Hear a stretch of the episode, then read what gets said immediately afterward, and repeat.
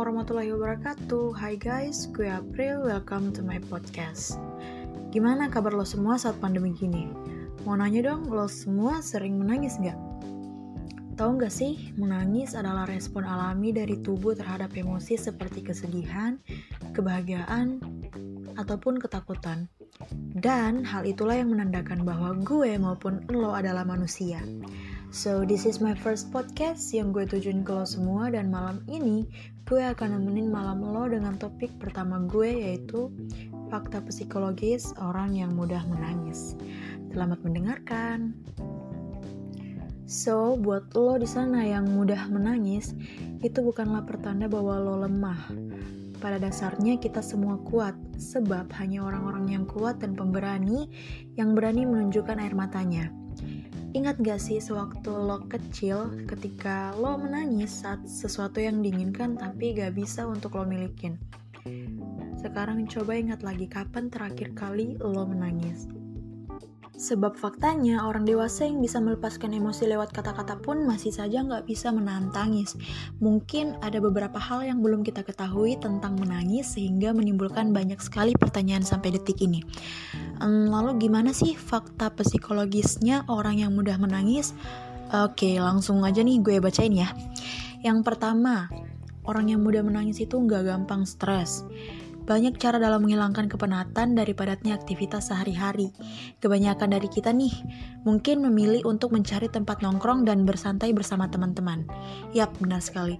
Memang hal itu membuat pikiran sedikit rileks, setuju nggak? Dan, ternyata ada sebagian orang yang lebih memilih duduk diam di kamarnya lalu menangis. Kebanyakan tipe orang-orang seperti ini lebih suka mengeluh kepada Tuhan atau apa pun keyakinannya yang ia anggap sebagai kekuatan terbesar. Jadi jika lo adalah bagian dari orang yang mudah menangis, maka nggak sulit bagi lo untuk keluar dari kekacauan emosi.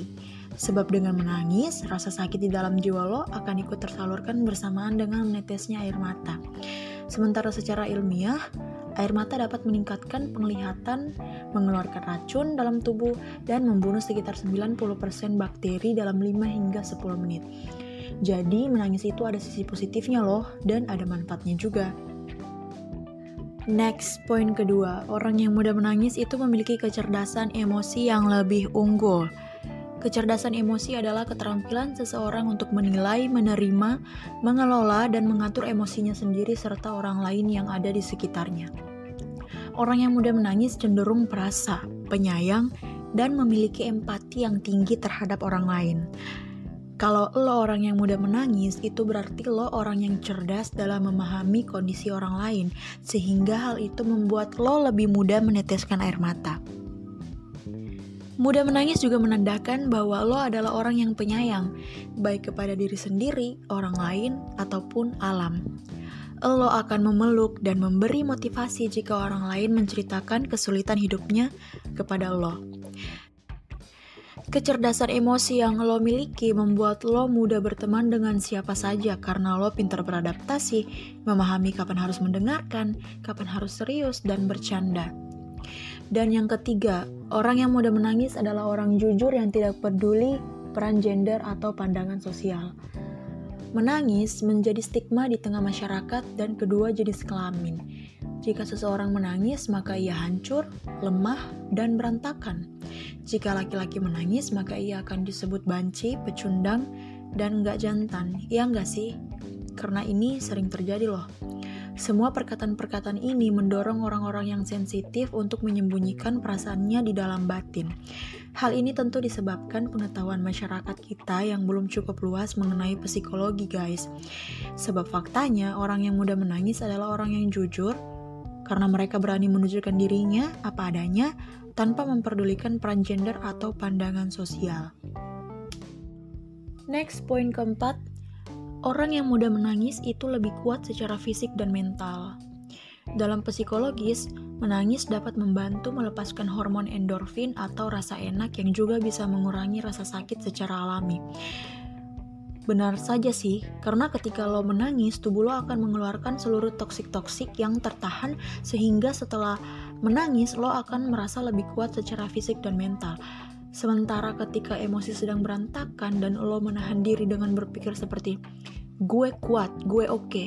Maka yang ada lo menjadi lebih berantakan. Menurut sudut pandang medis, menangis dapat meminimalisir tekanan darah dan denyut jantung sehingga dapat mencegah kita dari penyakit yang berbahaya. Dan menurut psikologis, luka batin yang terpendam butuh pelepasan. Jika lo simpan terus-menerus, maka ruang jiwa lo akan penuh dan hal itulah yang menyebabkan gangguan mental. Next, poin kelima, mudah menangis juga tanda bahwa kamu depresi. Dari berbagai penelitian menyatakan bahwa kebanyakan orang merasa lebih baik setelah menangis. Namun ternyata data tersebut tidak 100% benar loh. Faktanya, menangis menyudutkan seseorang pada pilihan antara melawan atau lari. Dalam kondisi yang sedang tertekan atau depresi yang disebabkan kematian seseorang, misalnya keluarga, teman, atau pacar, kehilangan sesuatu atau masalah-masalah berat lainnya, seseorang akan menjadi mudah menangis.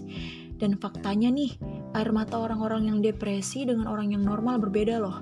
Karena benar-benar normal jika seseorang bersedih dan menangis karena masalah-masalah yang begitu berat.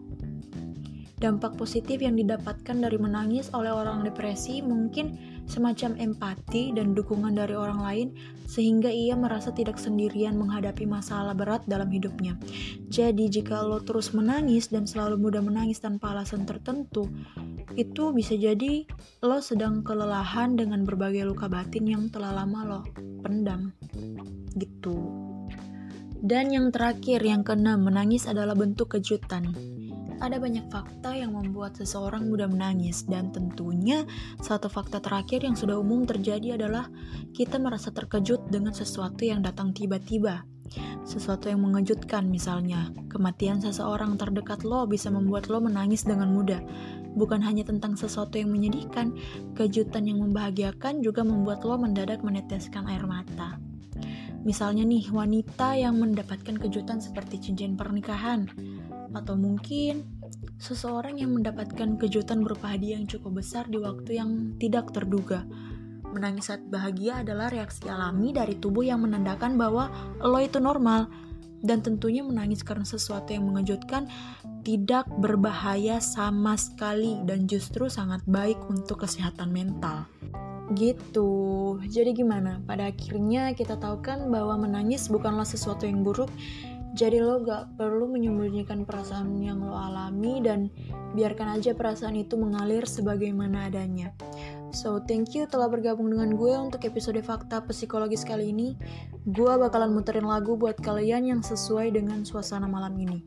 Hujan-hujan gini enaknya denger lagu yang slow-slow ya kan? Oke, ini dia lagu dari Noel, How About You, sebagai penutup kita pada malam ini. So, sampai jumpa lagi di podcast-podcast gue selanjutnya.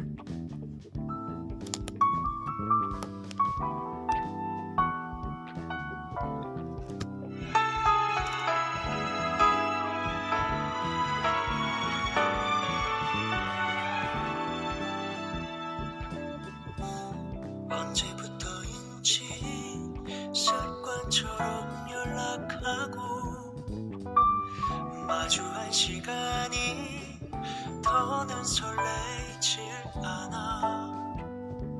하루 종일 반복되는 다툼까지도 사소하게 쌓인 오해마저 어떤 말로 풀어야 하는지 익숙한 탓인지 조금은 지겹기도 해.